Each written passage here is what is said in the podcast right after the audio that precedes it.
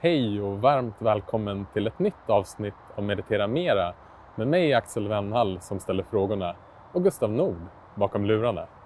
Nu är vi på väg hem till Magdalena Tillander som bor i Stockholm för att prata om meditation och hur vi kan skaffa den goda vanan av att meditera. När vi på Mindfully firade ett år så upptäckte vi att alla vi som mediterar med Mindfully har mediterat tillsammans nästan en och en halv miljon minuter. Det motsvarar 23 704 timmar eller 2,66 år. Och dagens gäst, Magdalena Tillander, är en av dem som har mediterat allra mest med appen. Men framför allt så har hon mediterat ett år i sträck. Och den frågan vi får mest är inte hur man mediterar, utan det är hur skapar man den goda vanan av att meditera? Och precis det ska vi prata om med Magdalena idag. Hur lyckades hon få in vanan och vilka tips har hon till alla oss som vill meditera mera och få till en regelbundenhet? Men vi är också nyfikna att höra vad ett års meditation har hjälpt henne och vad hon har upptäckt under det här året.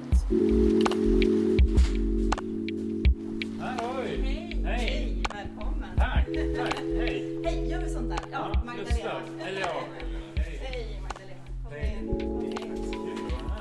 Ja, jättespännande att ha er här. Ja. Nice. Hej Magdalena! Hej Axel! Tack för att vi fick komma hem till dig idag. Välkommen! Jättespännande. Ja, verkligen. Vi är så peppade att få komma igång och en ny säsong av podden och att vi äntligen kan komma tillbaka till våra gäster. Och vi ska ju prata idag kanske framför allt om det som verkar vara så himla svårt för oss människor och det är att skapa vanor och skapa goda vanor och bibehålla vanor. För det här är faktiskt någonting som du har gjort när det kommer till meditation. Men innan vi inleder vårt samtal så tänkte jag bara att vi kunde göra som en sorts kort, kort, kort landningsmeditation som eh, vi kan göra här, du och jag Gustav. Vi sitter hemma hos dig i ditt kök, köksbordet. Men du som lyssnar kanske är på språng, du kanske är ute och går eller är i någon sorts kollektivtrafik. Så bara för att landa in i det här samtalet så kan vi bara skifta fokus lite snabbt. Och bara notera att vi har så ofta har vi vår uppmärksamhet centrerad runt omkring huvudet i våra tankar. Och så kan vi bara skifta uppmärksamheten så att vi känner kroppen. Känner tyngden, så oavsett om du går eller sitter.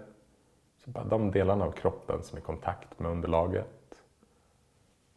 Och bara det här enkla skiftet att gå från tänka till att uppleva.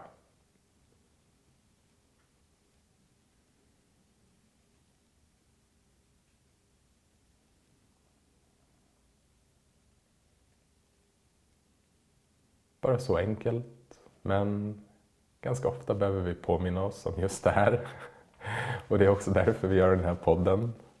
Att det är så intressant och fascinerande att någonting så enkelt kan vara så svårt ibland för oss människor. Eller vad säger du Magdalena? Ja, jag håller med. Alltså, jag har mediterat tre gånger den här morgonen för att ni ska komma Ja. hit och försöka komma ner liksom i kroppen istället för att vara uppe i huvudet. Men eh, när började du meditera och var var du någonstans i ditt liv och varför? Liksom, vad fick dig att testa på meditation? Eh, ja, det där är ju en jättestor fråga och eh, alltså det var ju det är ju en lång väg för mig till att komma hit där jag är idag. Idag mediterar jag ju mycket uppenbarligen.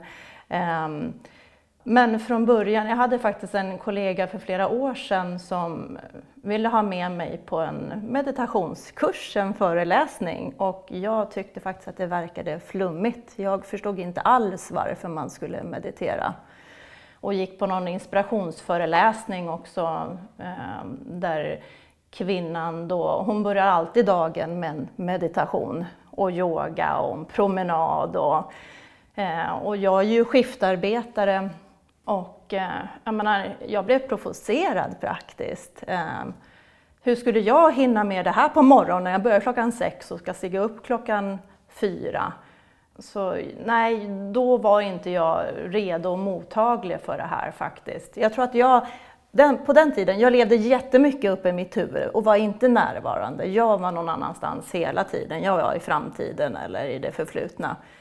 Lite som jag är nu faktiskt när jag sitter här och är nervös liksom för vad mm. jag ska säga och så. så.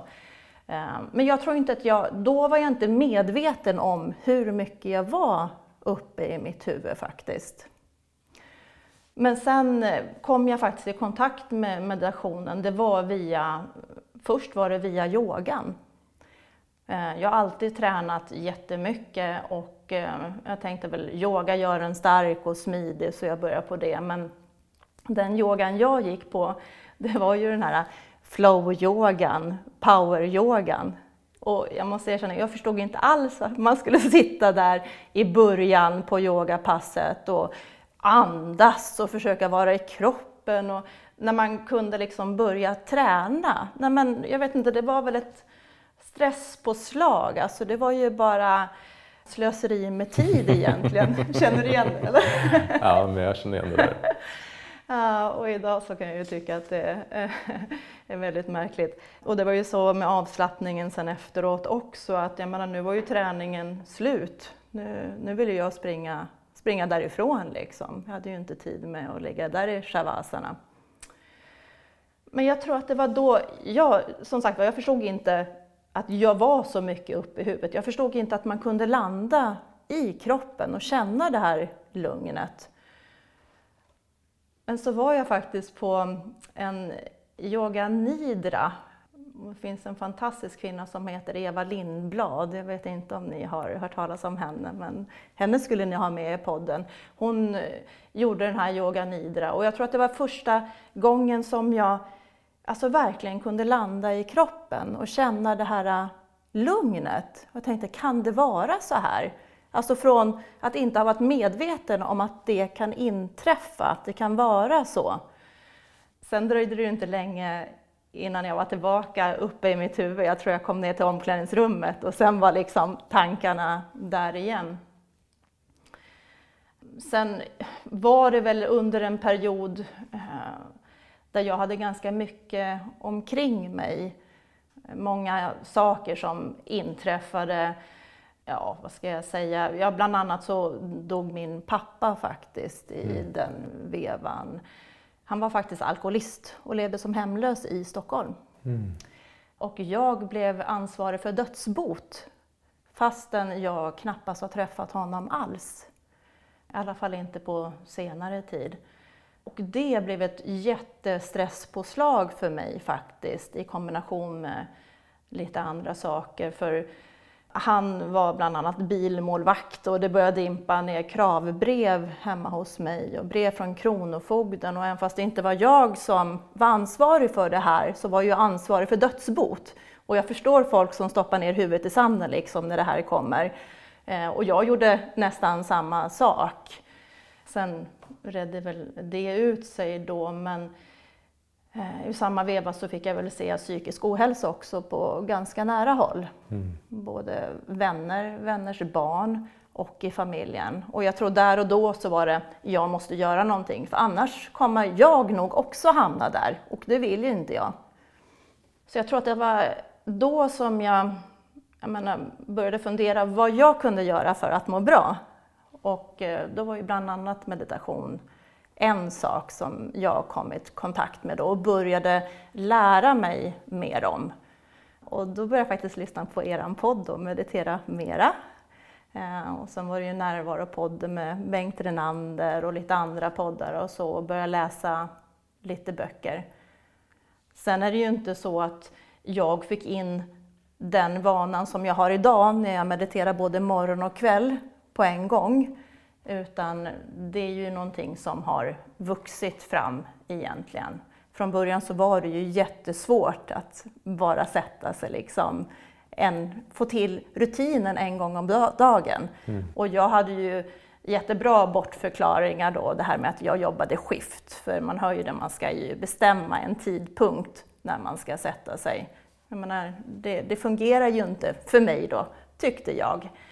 Men så har jag också en klok kollega faktiskt, Tanja, eh, så jag kallar det lex Tanja nu. Man kan alltid stiga upp fem minuter innan man har tänkt stiga upp och ha en fem minuters meditation. Det behöver inte vara svårare än så. Så jag menar, om klockan skulle stå på fyra så kan jag gå upp fem i fyra. Det är inte så stor uppoffring och jag mår ju jättebra av det här också. Mm. Det som slår mig när du berättar det här och, mm. och jag vill sen att också gå vidare i samtalet just till det här med vaneskapandet men det verkar ju som att det som får många av oss, dig och även mig, att liksom ta det här sista klivet är just den här, jag vet inte om man ska kalla det desperation, men lite av någon sorts känsla av att så här, vad har jag att förlora? Det är liksom alternativet nu att inte ta tag i min psykiska hälsa och börja undersöka vad det finns för alternativ för att kunna må bättre både nu men även kunna förebygga så att jag kan må bättre i framtiden. Det verkar ju vara en sån här liksom, som får många av oss att tippa över.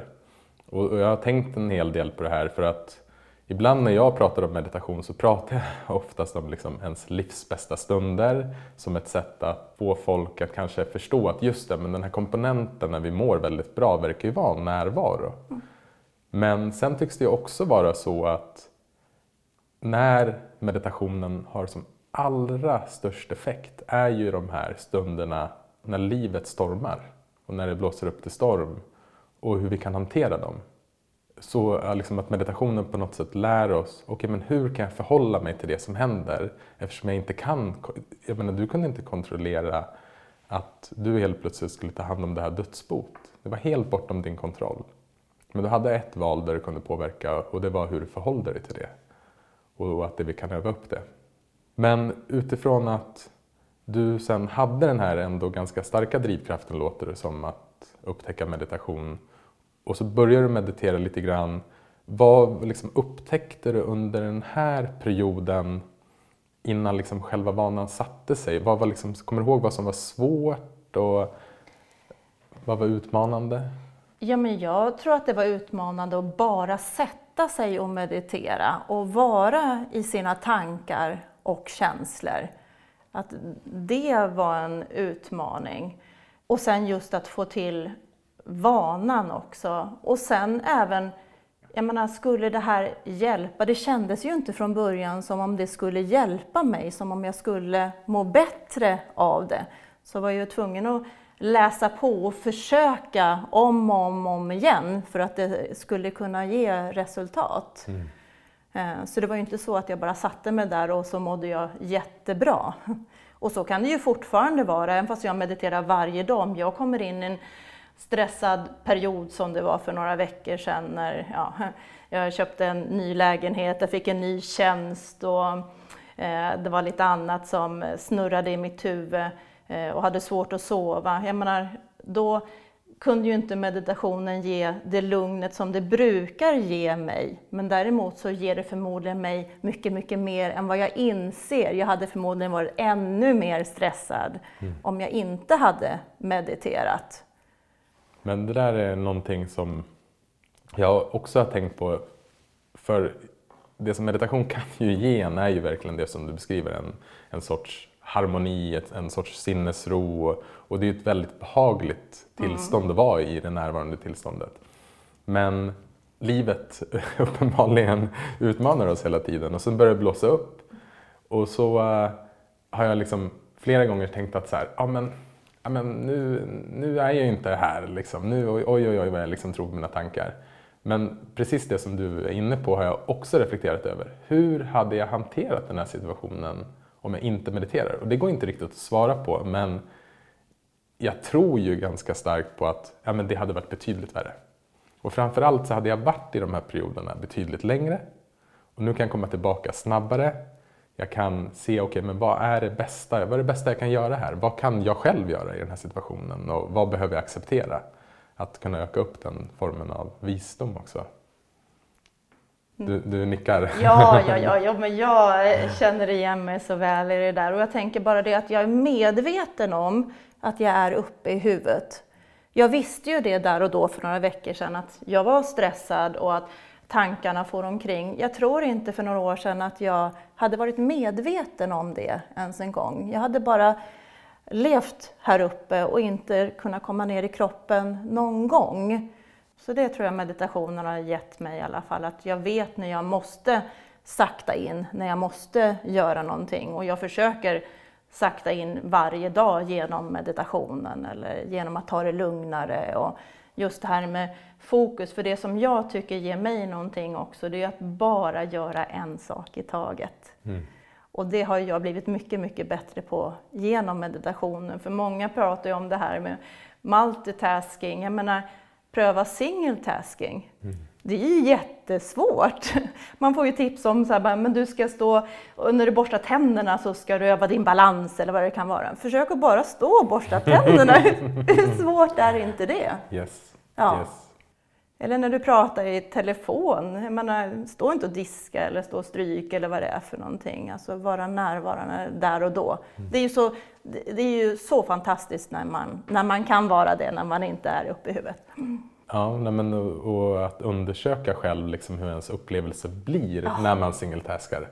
För det är det som är det intressanta. Att man tänker ja, vad tråkigt det är att bara diska. Och så när man bara diskar så inser man att här, det här var ju fantastiskt. Det fanns inget tråkigt i det. Det blir, det blir tråkigt däremot när man försöker multitaska när uppmärksamheten inte riktigt är där. Jag tycker den är så fin den definitionen att, att liksom ha tråkigt, det är brist på uppmärksamhet. Mm. Och det kan man undersöka för sig själv och så, ja, svaret är där varenda gång.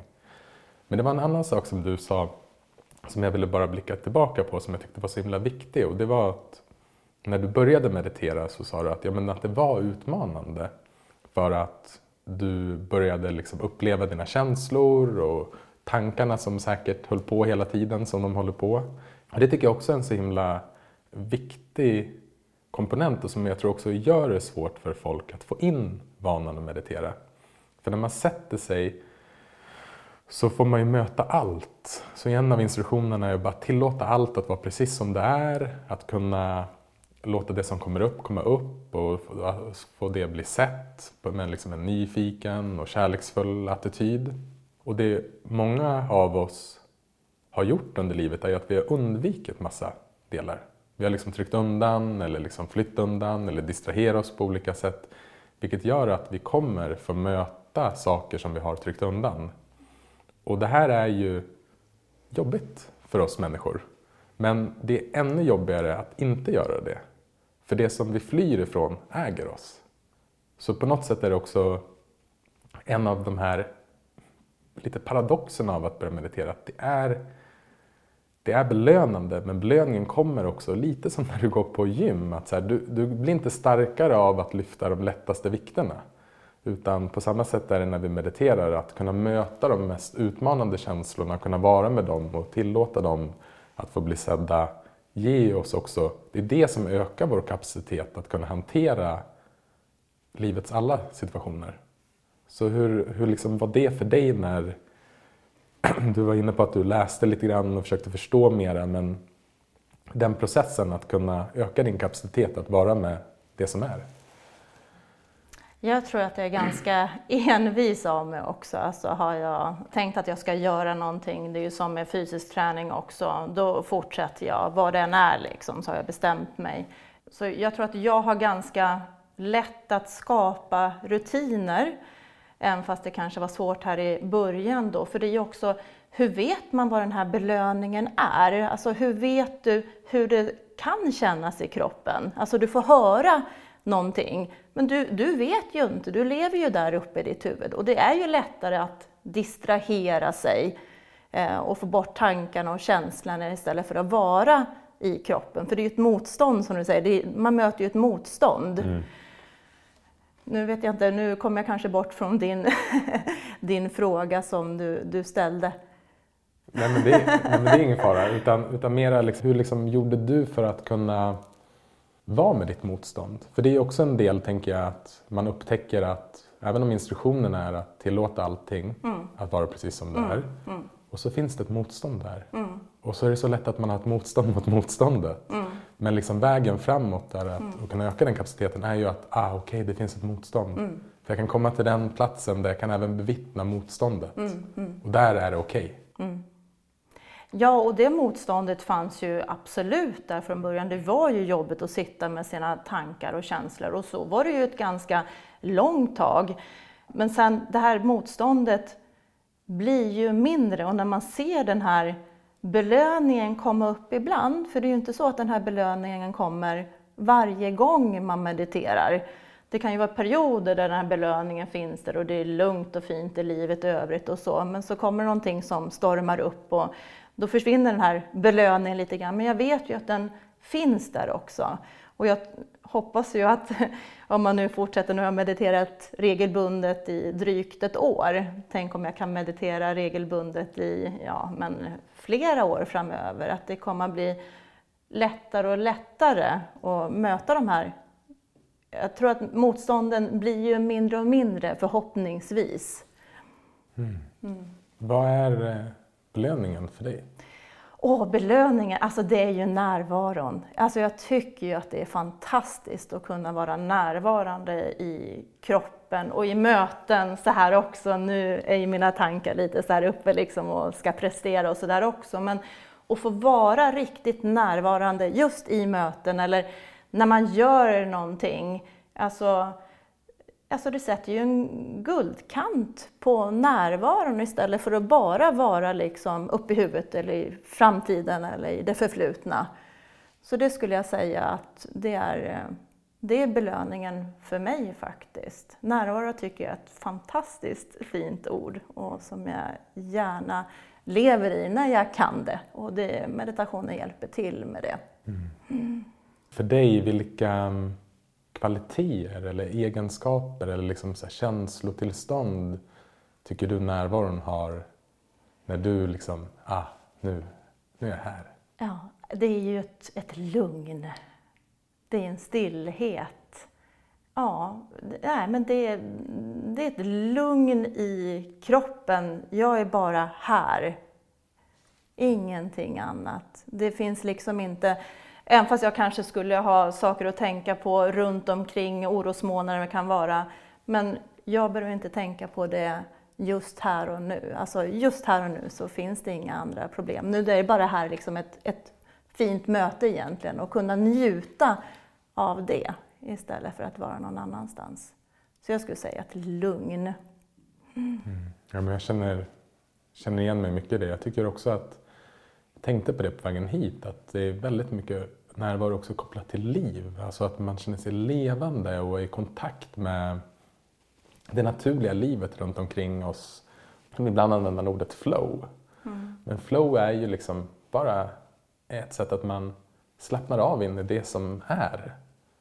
Och liksom inte försöker bromsa livet eller försöker forcera livet utan att man på något sätt flyter med. Eh, För när jag började meditera så hade jag en väldigt stark presterare och var framförallt väldigt identifierad med presteraren. Och för presteraren så handlar det ju om att ta sig någonstans hela tiden, att komma till närvaro sen. Att bara jag mediterar så kommer jag till närvaro sen. Vi pratade lite grann innan och jag vet ju att du mediterar en hel del med Björn Attike Lindeblads meditationer i, i appen och sådär. Det har jag också liksom tyckt har varit så himla fascinerande och liksom, där liksom förståelsen av det här har kunnat gett en lite djupare vad ska man säga, lite, en djupare upplevelse eller kanske gjort det lite enklare för, på något sätt med meditationen är att sen också inse att nej men, det handlar ju aldrig om att komma någonstans sen utan att bara ta bort allting som stoppar mig eller dig eller alla oss från att vara närvarande nu. Att den här stillheten och närvaron, den finns alltid tillgänglig. Och på något sätt är meditationen ett sorts verktyg för oss att bara upptäcka det. Det som redan finns här, alltid närvarande och medvetet. Och det tycker jag också, när jag insåg det så tog det också bort, för presteraren har ingen roll då i meditationen. Den, liksom, den kan fylla en funktion för att få oss att komma till meditationen och att påminna oss att meditera.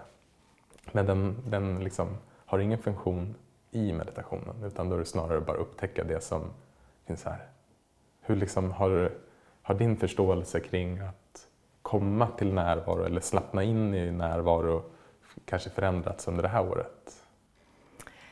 Ehm, jag tänkte på det du sa om att du hade en presterare när du mediterade. Den har jag nog kanske inte känt att jag måste prestera. Däremot så kan jag vara ute efter det här lugnet som jag pratade om förut. Jag vill ju gärna känna det eh, när jag mediterar. Men däremot den här äh, presterande, det tänker jag på liksom det dagliga livet, på jobbet eller nu när jag ska sitta här, vad ska jag säga? Alltså att man ska prestera. Men det är så skönt när den rösten blir mindre i huvudet, att inte den är så framträdande, när det bara finns den här närvaron, äh, när det finns stillheten, när det är bara jag där och inte den här äh, ja, andra rösten då, om man nu kan ja, benämna presteraren som det då. Men, eh, Vilka meditationer, du berättade att mm. du mediterar både på morgonen nu och kvällen. Mm. Så kan du berätta lite grann bara om dina meditationsvanor? Ja, nej men eftersom jag jobbar skift och så börjar jag klockan sex på morgonen, då ställer jag klockan fem minuter innan jag egentligen skulle ha gått upp och så gör jag mig i ordning och sen så sätter jag mig och gör ja, men bara en fem minuters meditation. Eh, och det tycker jag liksom, det sätter ju tonen för hela dagen och bara landa in faktiskt. Eh, sen om jag börjar senare så gör jag en lite längre meditation på, på morgonen. Sen försöker jag också göra en meditation på, på kvällen. Och har jag då jobbat en förmiddag så blir det ju en längre meditation på kvällen. Någon gång då mellan ja, middag och sängdags. Eh, jag har som inga fasta tidpunkter men jag tänker att det ska, det ska in där i alla fall. Och jobbar jag en eftermiddag så då gör jag en längre meditation på morgonen. Eh, och sen kommer jag hem vid elva på kvällen så ja, men då kanske det bara blir en fem minuters meditation där istället. Att jag vänder på det då så mm. att man bara landar in för att få lite bättre sömn. Och så mediterar jag. Och sen är det ju också, jag tänker eh, för mig så har det ju varit så, för jag börjar ju med en meditationsresa i den här introduktionen om vad meditation är och så. Eh, och från, eh, den var ju jättebra och sen blev det också de här guidade meditationerna som jag följde väldigt mycket. Sen ett tag så gick jag in på bara semiguidade meditationer som du har då och tyckte att de gav mig väldigt mycket.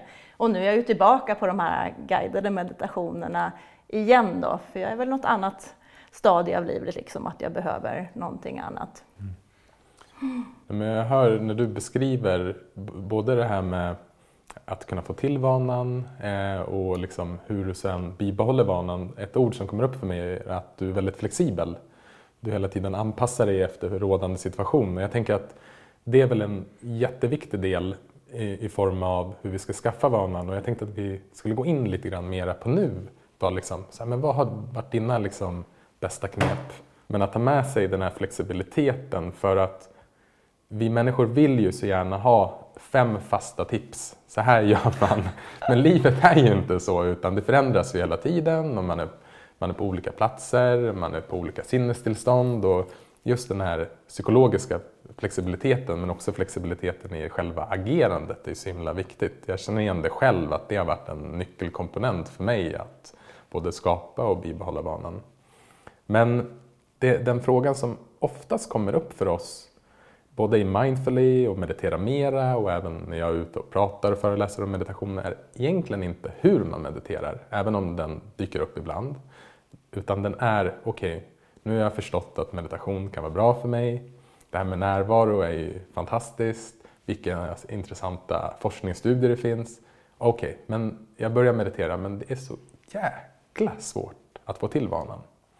Och du har ju mediterat regelbundet i ett år nu, vilket är helt fantastiskt. Stort grattis, verkligen. Så jag skulle vilja liksom parkera vårt samtal lite här och bara liksom undersöka, okej okay, men vad, vilka liksom knep har du fått till? Vad, vad liksom finns det från din meditationsresa som man kan ta med sig? Och det som också är intressant här för mig på ett personligt plan är ju att nu när jag blivit pappa så har ju mina meditationsrutiner, de är helt borta på det sättet att jag behöver lära om mig. Jag, jag mediterar fortfarande och jag liksom med nöd och näppe kan jag få till någon, någon form av regelbundenhet som jag håller på nu med. Men eh, i, i liksom de första månaderna så eh, jag har aldrig mediterat så lite sen jag började meditera. Och det har varit helt okej, okay. men nu känner jag att ja, men jag vill få in vanan igen. Så jag tänker liksom att vi skiftar lite grann, att du får coacha mig här och lyssnarna. För vi är så många som vill få till vanan att meditera. Mm. Och du var inne på en sak först som jag tyckte var som din kollega sa, det här med att kunna gå upp bara fem minuter innan. Mm. Mm. Nu sätter ju du jättestor press på mig här Axel. eh, för jag, skulle, jag vet också att jag skrev till dig när jag funderade på om jag skulle vara med i den här podden eller inte. Så då har faktiskt min syster lovat att hon ska börja meditera om jag är med i den här podden. Mm. Jag har inte ens fått henne att börja meditera, så jag vet inte vad jag ska komma med för tips och råd. Men nu sätter jag ju press på henne eh, eftersom jag säger det här då. Ehm, en kärleksfull press? En kärleksfull press, för hon, hon skulle verkligen behöva det. Mm. Eh, men det som jag önskar, för nu har ju, jag sa till er förut också, jag har ju en son som är 19, och han har flyttat hemifrån. Men jag önskar ju, hade jag fått göra om det här, alltså när han var liten, jag var inte närvarande där och då. Det var så mycket stress. Man skulle hämta och lämna på dagis, nu har ju inte du kommit dit ännu för ditt barn är ju yngre än så, men jag tror att jag levde så mycket upp i huvudet där och då att ja, men jag var inte närvarande, jag njöt inte av livet på det sättet. Och jag tänker, skulle inte det vara fantastiskt om du skulle kunna få in meditationen med ditt barn då mm. så småningom, eller göra det till en, en daglig rutin. Till och med, med med, sin partner skulle jag önska i alla fall att man, man kunde ha det så. Sen vet jag inte alltså, vad man kan säga. Jag kan ju inte övertala någon annan till att börja meditera. Och jag menar, jag var ju tvungen, jag sa ju nej flera gånger då, jag menar till mina kollegor och sådär. Jag förstod ju inte varför man skulle meditera. Och jag vet inte om jag kan säga att, jag menar, eh, gör så här, utan du måste ju komma till den insikten själv. Du måste ju själv vilja ha en förändring. Och jag vill ju ha en förändring för att jag mådde så pass dåligt. Och jag hoppas att folk kan möta det motståndet som blir då. Mm. Och jag menar skapa en, en rutin. Ja. Jag hade ju som sagt var jättemånga bortförklaringar till varför inte jag kunde meditera. Det här med ja, skiftgången och allt som var. Men nej, det, det ger mig så jättemycket och jag kan förstå att folk har svårt att förstå det eh, när man kanske inte har känt vad det kan göra i kroppen. För det är ju min belöning när jag kan komma där, liksom, att det kan bli ett lugn, en närvaro. Mm. Som jag även kan känna i andra pressade situationer eller där jag är under stress och så. Men eh, att hitta fem saker, ja, jag vet inte om jag kan komma på någonting sånt, men det är väl mer också att det gäller att sätta sig där och meditera. Det är ju som, att, som många säger, jag menar gå till, till gymmet. Du kan inte bara gå en gång. Du blir inte stark för det. Och det är ju samma sak med, med meditation, med din mentala träning. Mm. Det är ju inte som att cykla, liksom. du lär dig ju inte en gång och sen kan du det. För det har ju jag bevittnat under det här året som jag har mediterat regelbundet, att det går upp och ner, upp och ner hela tiden. Men jag tänker då inte ge upp. Nej, men det är lite som du är inne på, att det vi övar upp i meditation, vår närvaro, kan liknas vid en sorts balans. Och det kan ju vara ganska svårt att instruera någon att säga, okay, men om du ska balansera, okay, hur balanserar man? Men det är svårt. Du måste få in känslan och på samma sätt är det med meditationen att det är en sorts balans i, okay, att kunna möta allting och vara intresserad men inte fastna i upplevelsen och samtidigt kunna slappna av men inte drifta iväg och liksom försvinna i dagdrömmeri. Och den balansen kan vi öva upp. Men jag tyckte du var inne på någonting så himla viktigt där. Och det är ju att för den som vill få in vanan att meditera är att hitta verkligen sitt varför. Så att det verkligen kommer från ens inre längtan om att liksom få kanske till en förändring i ens liv. Oavsett om det är en eh, proaktiv förändring, att jag vill kunna rösta mig bättre inför livets utmaningar eller för att kunna hantera stress bättre. Eller det kanske bara kommer från en nyfikenhet som är så här, oh, det här med meditation, hmm, det här låter så spännande, det här vill jag utforska. Så att det inte kommer från den här energin att jag borde göra det. Eller att någon annan har sagt åt mig att jag borde göra det, utan det är verkligen, ah okej, okay, men jag vill göra det här, jag vill i alla fall ge det en chans. Och det jag också upptäckt är att om jag bara kan påminna mig om den här intentionen så hjälper det mig. Men sen brukar jag också bara liksom skifta. Du var inne till exempel, du hade ett jättefint råd till mig det här med att kunna göra det tillsammans med min dotter eller eh, sådär i framtiden. Att jag också kommer ihåg att när jag mediterar så gör jag självklart det för mig själv. Men det tycks också ha positiva bieffekter på människorna som jag omger mig med. Till exempel mina kollegor eller min familj eller mina vänner. Jag kan lyssna lite bättre, jag kan vara lite mer uppmärksam. Och, och det, för mig är det liksom kärlek. Jag kan liksom leva mitt liv mer i närvaro och kärlek. Och det, jag har inte upptäckt någonting i det här livet som är mer värdefullt än det. Så det är liksom att också komma ihåg att ens meditation oavsett hur härligt det är att stressa mindre och fokusera bättre så om man bara kan utvidga sin cirkel lite grann så att man inkluderar de andra då tycker jag också att man får, eller jag själv i alla fall, fått en väldigt så, tydlig motivation till att ja, men det där vill jag ju verkligen. Jag, alltså, jag vill kunna vara mer tillgänglig för människorna i mitt liv. För jag mår mycket bättre när jag är det. Och jag mår inte lika bra när jag bara liksom fastnar på telefonen eller liksom bara går runt och hela livet kretsar kring mig själv hela tiden. Mm. Ja, men det, är, det är jättefint sagt och jag tycker ju närvaro är väl det finaste du kan ge till någon annan mm. egentligen. Och det är bara att hoppas att folk då undrar om du eh, tänker, jag menar, jag tänker så här, om du ger folk närvaro och de känner att de får närvaro från dig, för det tror jag faktiskt att man kan känna, då kanske man vill åt det också själv. Hur gör du för att vara så närvarande? Mm. Och då är det ju bland annat meditationen då som är svaret. Att det kan vara en inkörsport då, till att få folk att börja meditera. Jag är här och det känns ju helt fantastiskt att kunna erbjuda eh, andra människor det. Mm.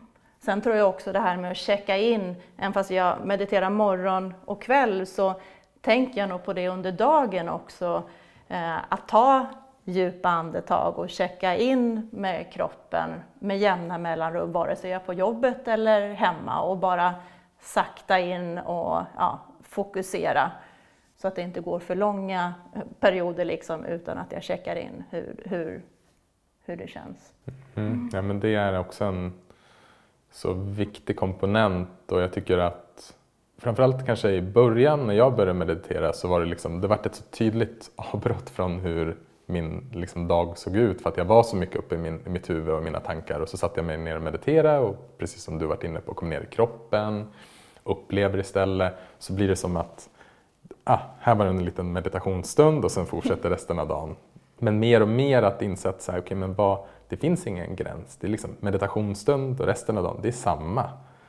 Så att man kan se meditationen på ett sätt som att ah, jag kan meditera nu, jag kan landa i mig själv, jag kan landa i nuet och sen kan jag ha med mig meditationen i resten av dagen som en sorts påminnelse och också som en sorts närvaro som jag kan få med mig i resten.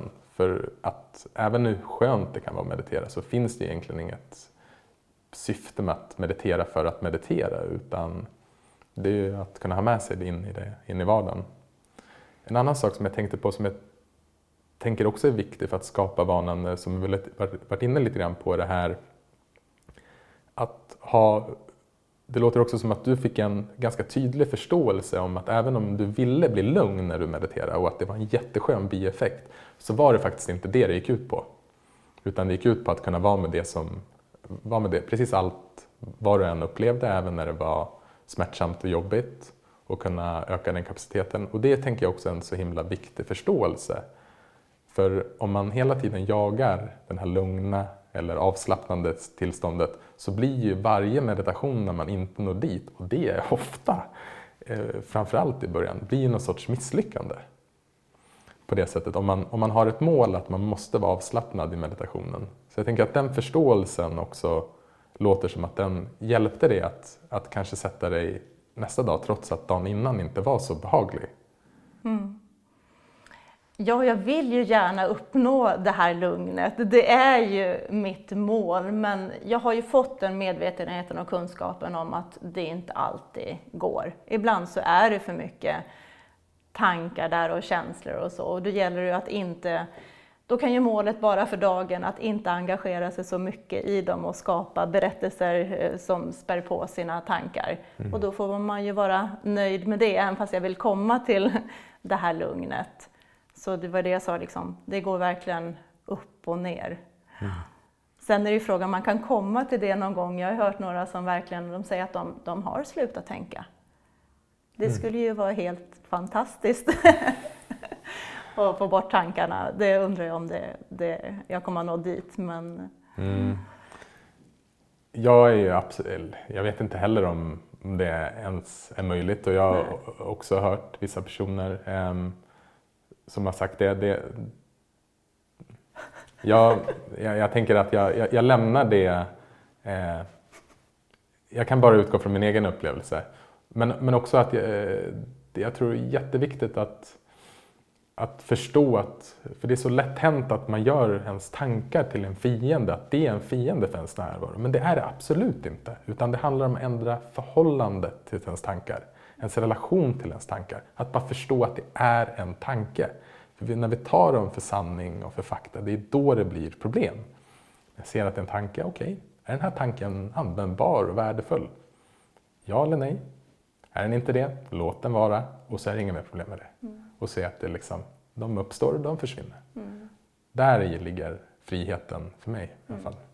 Mm. Ja, men jag håller med, sen vet jag inte hur det är för dig beroende på hur jag mår, hur mycket jag har runt omkring mig. Ibland kan jag faktiskt, alltså jag kan skratta åt mina tankar. De kan vara hur jobbiga som helst. Men jag vet att det bara är tankar. Det blir så här, men herregud Magdalena, det är bara en tanke och så skrattar jag åt det och så är jag tillbaka i kroppen. Men sen om det är mer omkring, då är det ju svårt att skratta åt sina tankar. Men då är jag i alla fall medveten om att de tankarna är där. Jag kan liksom inte ja, helt eh, sluta engagera mig i dem, men i alla fall medveten om att jag engagerar mig i mina tankar. Mm. Mm. Ja, men jag känner igen det där. Och eh, just när vi får den här distansen till tanken så att man till och med kan skratta åt hur det håller på, det är väl kanske våra mest kloka liksom, tillstånd vi har i livet, våra klokaste stunder. Eh, tillbaka lite grann till, eh, till din vana. Jag, en annan sak som jag då liksom tänkte på i det här när du beskriver att du har mediterat regelbundet. Jag får också känslan av, och nu får du, det här inbillar jag mig så du får säga om jag har fel, men att under den här perioden så har du också praktiserat att vara snäll mot dig själv. Att den har liksom, det har funnits med här och stärkts och stärkts. Att vara snäll mot dig själv när du upplever kanske jobbiga stunder. Snäll mot dig själv när tankarna vandrar iväg snäll mot dig själv och till och med skratta åt tankarna när de håller på. Känner du att den egenskapen, att du haft med dig den från början eller har den växt fram? Den har absolut växt fram. Det är ingenting som jag har varit tidigare snäll mot mig själv. Nej, utan jag har haft jättehöga krav på mig själv.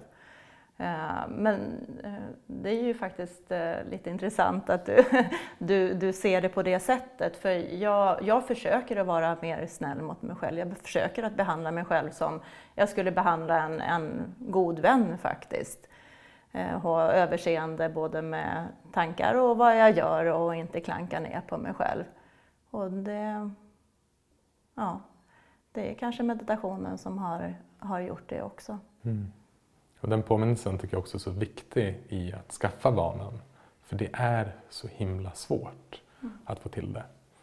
Du är på ett sätt undantag på det sättet att så här, du har verkligen lyckats bibehålla en rutin väldigt, väldigt, väldigt länge. Men för väldigt många, inklusive mig själv, så när jag liksom skapade regelbundenheten så missade jag ju också några dagar.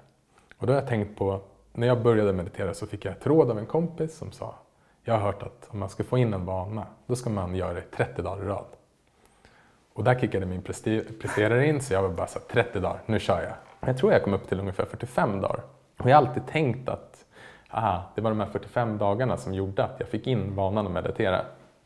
Men så har jag reflekterat över det här nu, bland annat inför det här samtalet och insett att nej men det var det nog inte. Utan dag 46 mediterade jag inte. Men dag 47 mediterade jag igen. Det var dag 47 som var nyckeln. För att livet händer. Man, eh, någon dag kanske är till och med så att man inte ens känner för att meditera. Är, eller liksom man är bortrest eller vad som helst.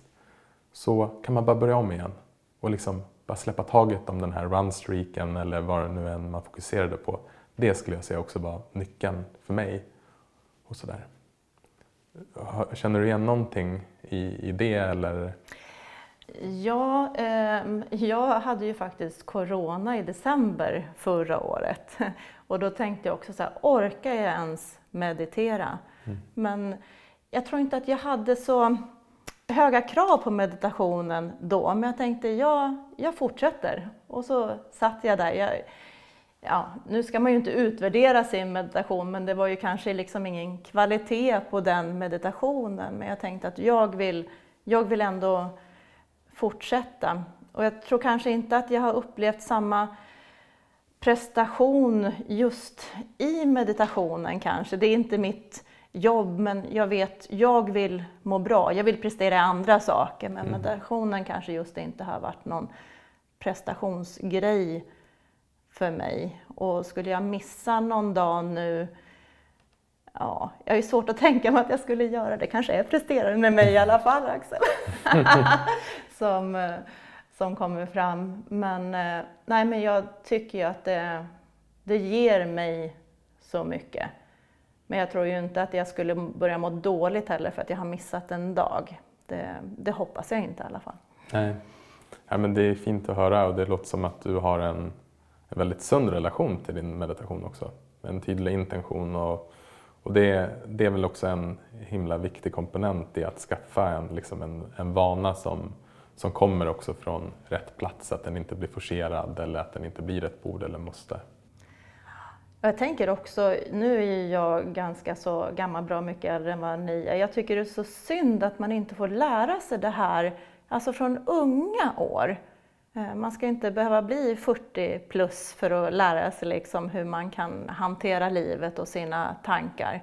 För det finns ju faktiskt en, eh, en anledning till att det, ja, hur hjärnan fungerar helt enkelt hur tankarna produceras och så och vad vi kan göra åt det och att det finns meditation faktiskt som kan hjälpa oss att få en bättre mental hälsa. Ja, men jag har tänkt mycket på den där frågan och, och ett intressant perspektiv som jag, som jag verkligen tror också är sant det är att jag är född, jag och Gustav vi är födda 1986. Mm. Det året så publicerades noll studier på meditation och mindfulness. Förra året så publicerades över 1100 internationella studier. Och det här visar ju på att vetenskapen om meditation som forskningsämne växer hela tiden vilket gör att vi börjar också få, vi kan börja liksom se okay, men vilka metoder hjälper när och var och hur. Och det här är väl liksom ett fundament för att kunna föra in meditation och mindfulness i skolan till exempel eller i andra sorters liksom, platser och, och det ska verkligen bli en spännande resa för jag, jag håller med dig. Jag, liksom, är det någonting eh, vi brinner för är det ju att försöka få meditation att bli den folkrörelse som, som vi ser att samhället behöver. Att, åtminstone att skapa den förståelsen att vi vet alla att vi mår bra av att gå ut och springa eller gå på gym. Men alla har inte förstått än att vi också mår bra av att meditera och att det kan hjälpa oss på olika sätt. Men eh, tack för att du har delat med dig av alla dina, liksom, ja, men din, dina sätt att få in vanan, vad det har betytt för dig. Innan vi avslutar det här samtalet så eh, har, vi, har jag två delar kvar som jag vill fråga dig om. Det första är eh, fem snabba. Så bara liksom det som kommer upp först. Vad är du tacksam för just nu? Oh, jag är tacksam för den närvaron som jag känner ganska ofta nu för tiden. När grät du senast? Ja, det var faktiskt när jag såg en serie här, det var Saknad aldrig glömd, sista avsnittet så grät jag senast. Mm. Mm.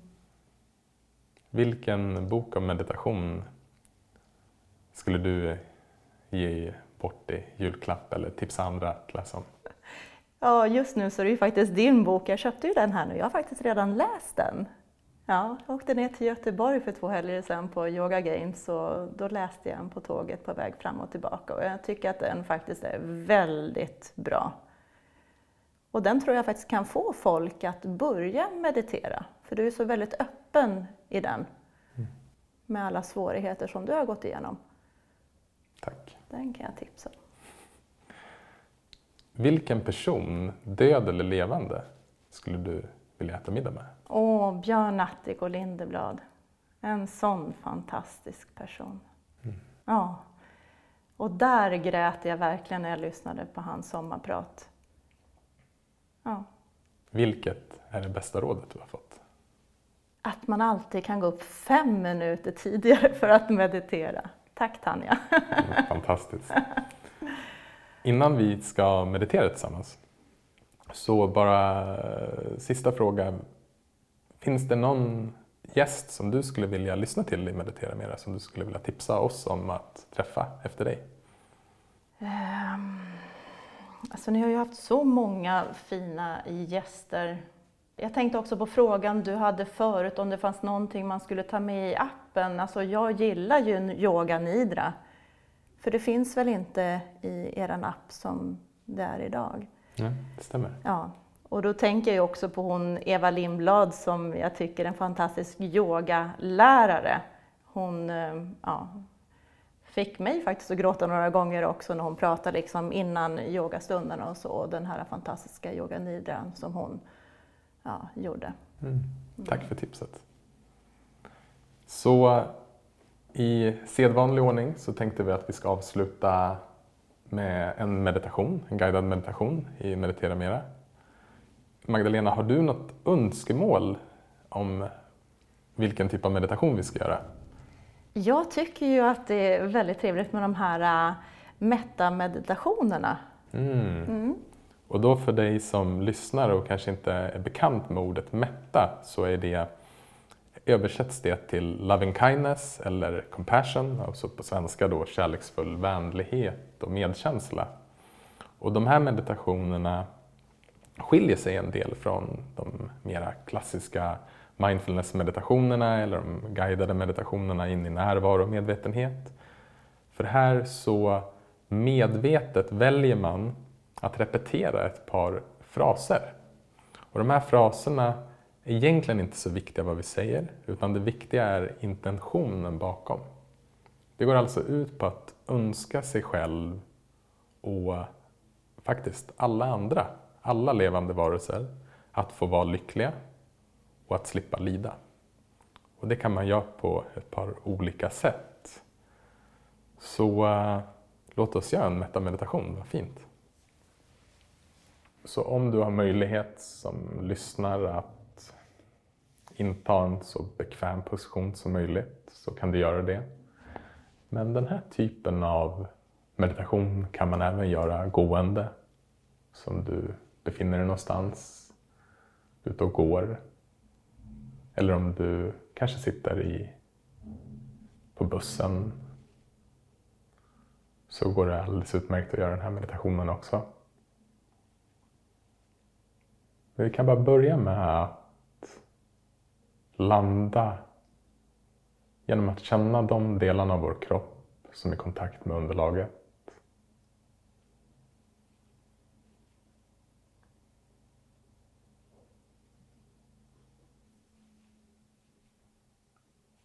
Och när olika tankar påkallar vår uppmärksamhet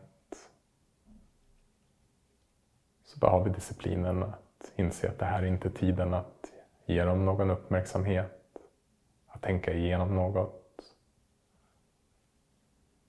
Utan bara vända tillbaka uppmärksamheten in i kroppen. Känna din tyngd. Och så kan vi vända uppmärksamheten mot vårt andetag.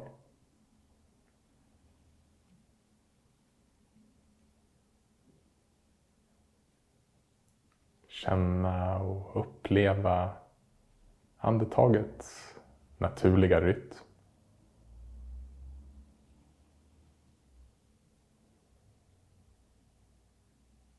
Att tillåta allt att vara precis som det är.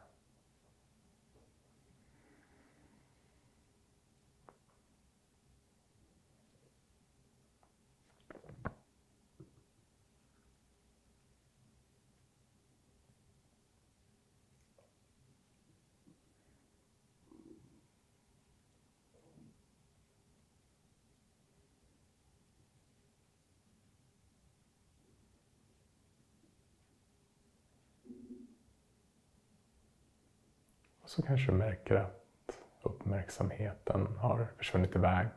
Det är ingen större överraskning. Kan du bara börja om igen. Återigen känna och uppleva andetaget.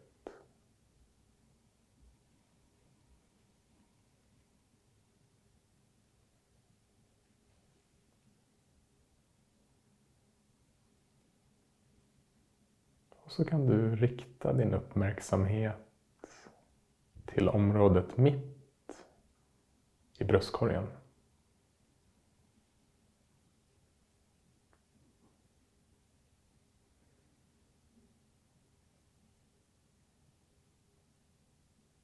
Så att du har en del av din uppmärksamhet här.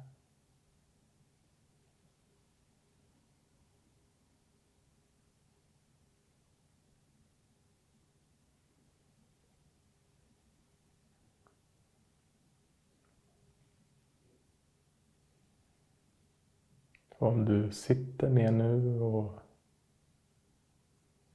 kanske blundar så börja med att tänka på en nära vän eller en person som du ser upp till. Som du har en enkel och komplicerad relation till. Helt enkelt någon av dina favoritpersoner här i världen.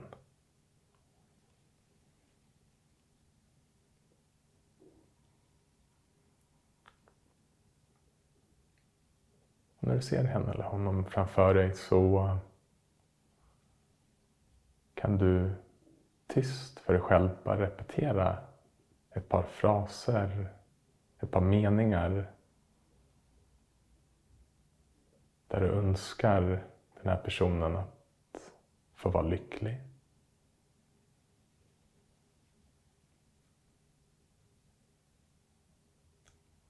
Att få vara trygg och frisk.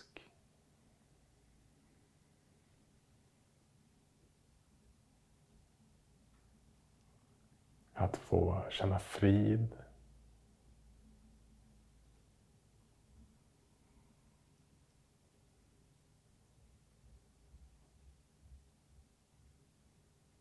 Och få att leva sitt liv i kärlek.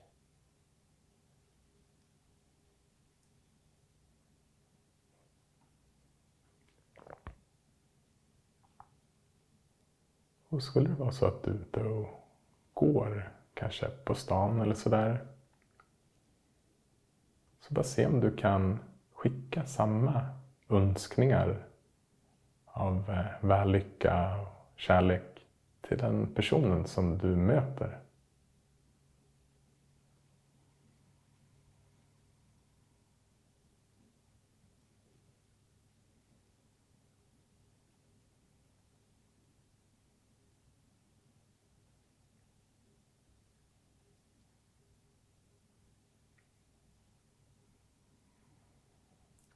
Och så kan du rikta samma uppmärksamhet, samma intentioner till dig själv.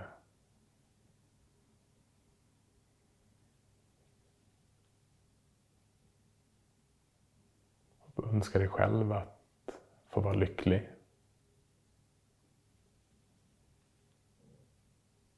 Trygg och frisk.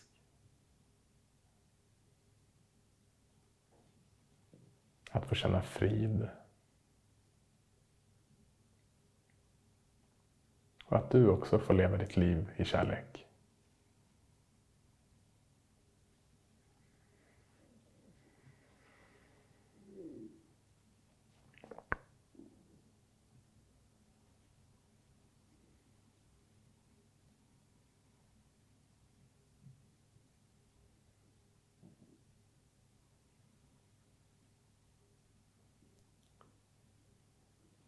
Och härefter, föreställ dig nu och tänk på en person som du har neutrala känslor för.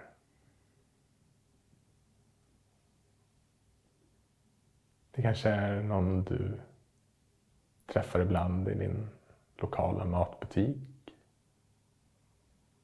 Det är kanske en kollega som du inte känner.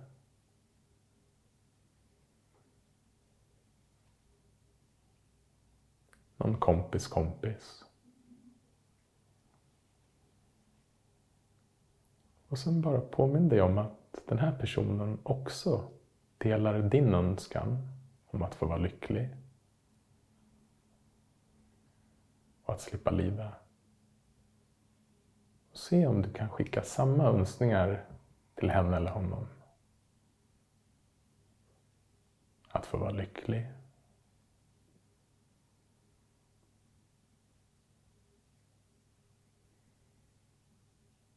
Att få vara trygg och frisk.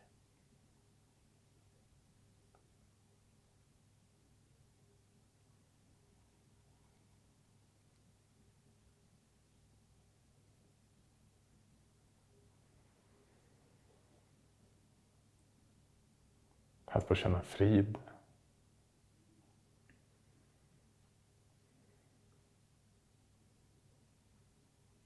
Och att leva sitt liv i kärlek.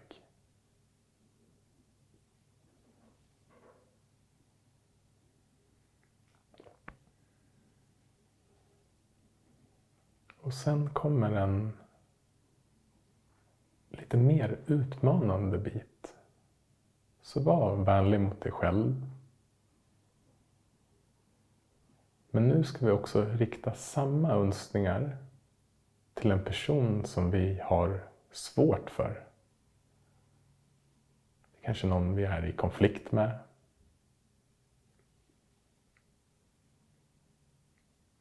Det kan vara till fördel att inte välja den personen i livet som du har allra svårast för. Framförallt om det här är första gången du testar på den här meditationen.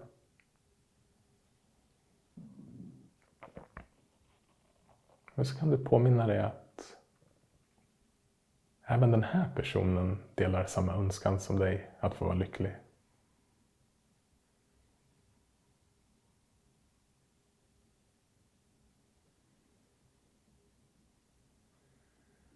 Se om du kan önska henne eller honom att just få vara lycklig.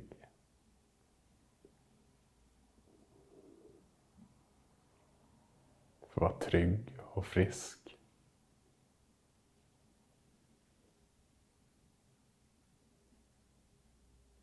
Känna frid. Och leva sitt liv i kärlek.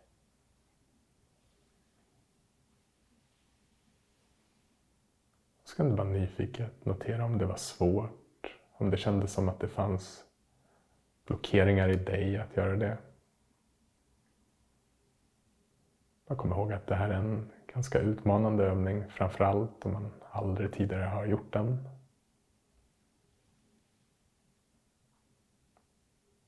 Och att det inte handlar om att vi helt plötsligt behöver gilla någon eller rättfärdiga deras beteende. Utan mera bara undersöka vad som händer i en själv när vi kommer i kontakt med sanningen att vi alla människor vill vara lyckliga.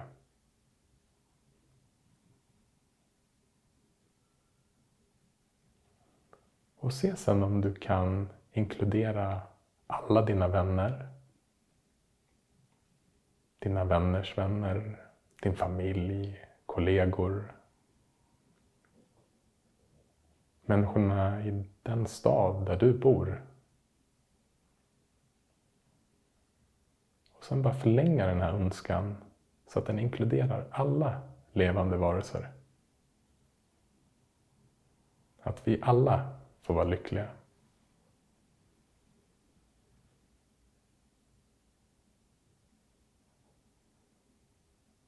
Trygga och friska.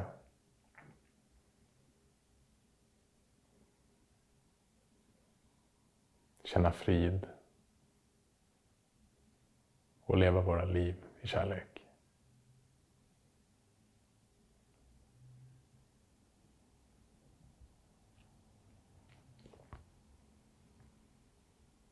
Och så kan du återigen vända hela din uppmärksamhet till området mitt i bröstkorgen.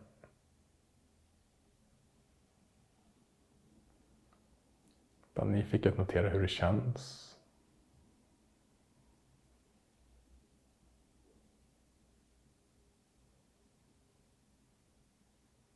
Och så kan du vända tillbaka uppmärksamheten igen till de delarna av din kropp som är i kontakt med underlaget. Känna din tyngd. Och långsamt avsluta den här meditationen med att öppna dina ögon om du har haft dem slutna. Du kanske vill sträcka lite grann på kroppen, ta ett djupt andetag.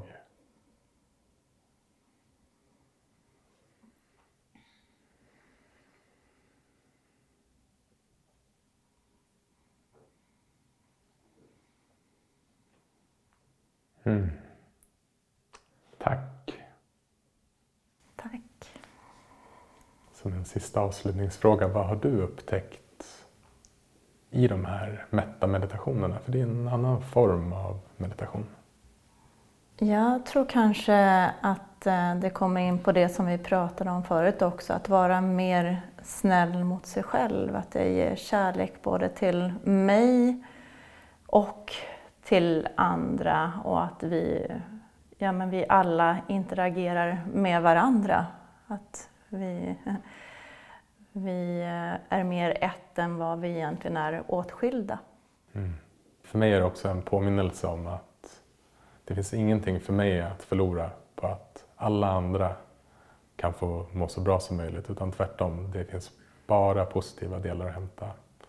Och det har också påmint mig om att när jag har gjort saker i mitt liv som jag inte är särskilt stolt över så har jag alltid varit på en plats där jag är vilsen, rädd, stressad.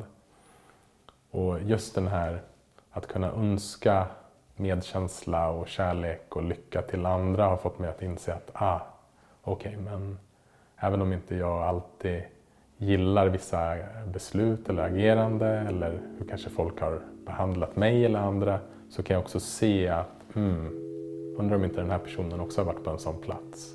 Och det, den förståelsen gör det också mycket, mycket lättare att släppa taget och känna medkänsla istället för hat egentligen. Mm. Tack för att vi fick komma hit. Tack själv. Fint. Tack för att du har lyssnat på det här avsnittet av Meditera Mera med mig Axel Wennall och Gustav Nord. Jag hoppas att du har blivit inspirerad av vårt samtal med Magdalena och av den avslutande metameditationen. Och är det något vi har tagit med oss så är det att vi alltid kan gå upp fem minuter före vi har tänkt för att hitta den här lilla extra tiden att meditera. Och att alltid, alltid vara snäll mot sig själv. Vi hörs snart igen. Hand om dig.